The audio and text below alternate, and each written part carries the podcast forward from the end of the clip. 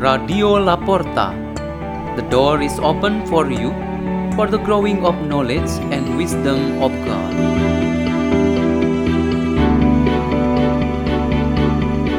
Delivered by Father Peter Tukan, SDB from Salesian Don Bosco Kerak in Labuan Bajo, Diocese of Ruteng, Indonesia.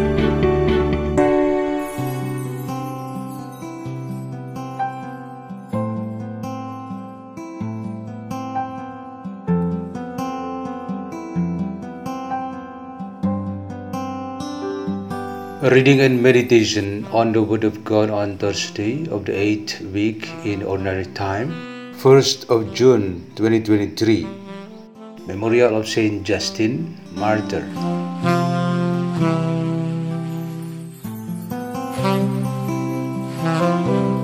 A reading from the Holy Gospel according to Mark chapter 10, verses 46 to 52. As Jesus was leaving Jericho, with his disciples and a sizable crowd, Bartimaeus, a blind man, the son of Timaeus, sat by a roadside begging. On hearing that it was Jesus of Nazareth, he began to cry out and say, Jesus, son of David, have pity on me. And many rebuked him, telling him to be silent.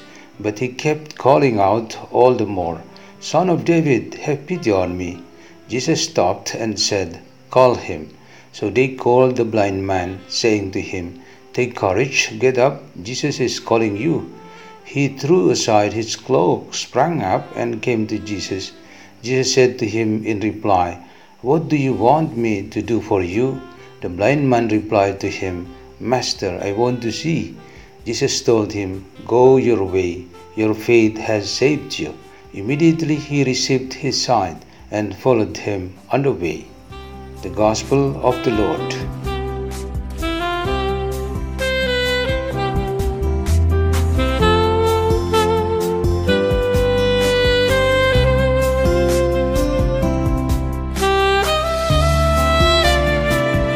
The theme for our meditation today is May we can see. The eyes of our bodies are windows to the world, while the eyes of our hearts are the doors way to heaven. It was the conclusion of the spiritual instruction given by a seminarian to the members of the acolyte in a particular meeting session. After hearing that, an acolyte asked a question. This is unfair because blind people cannot see the world. How can we justify that window is really something for them? That seminarian did not feel at a loss to be able to answer that question. With confidence, he said, The people who help the blind indeed have bigger and wider windows so that through them the blind can get to know the world just like normal people. Everyone who heard the seminarian's answer understood the matter, and their session proceeded to another discussion. If we follow the book of Sirach in today's first reading, that the sun and all the universe are truly the fruits of the work of God's power in our life, the eyes of normal people should be so lucky, while blind people are very unlucky. What evidently special about the words of Sirach is that all the fruits of God's work are basically complementary. In fact, there is no shortage of anything because God had made everything complete for one to another. In reality, there are people who are blind, as in the Gospel account today about a blind beggar named Bartimaeus but there are people around him who talked to him and who led him to Jesus. This picture should become very clear to guide us to a conviction that the small, poor, sick, and neglected are not left by God without the care and help of others. All normal and healthy people actually have a responsibility to be a solution for others who are experiencing deprivation and various kinds of difficulty. There is a particular sign that gives us an explanation about complementing each other in our lives so that we remain convinced that God really made everything good and beautiful. People who have deficiencies in the eyes of the body, namely they are blind, remain special to God and fellow human beings because they have the eyes of their hearts that lead themselves to God.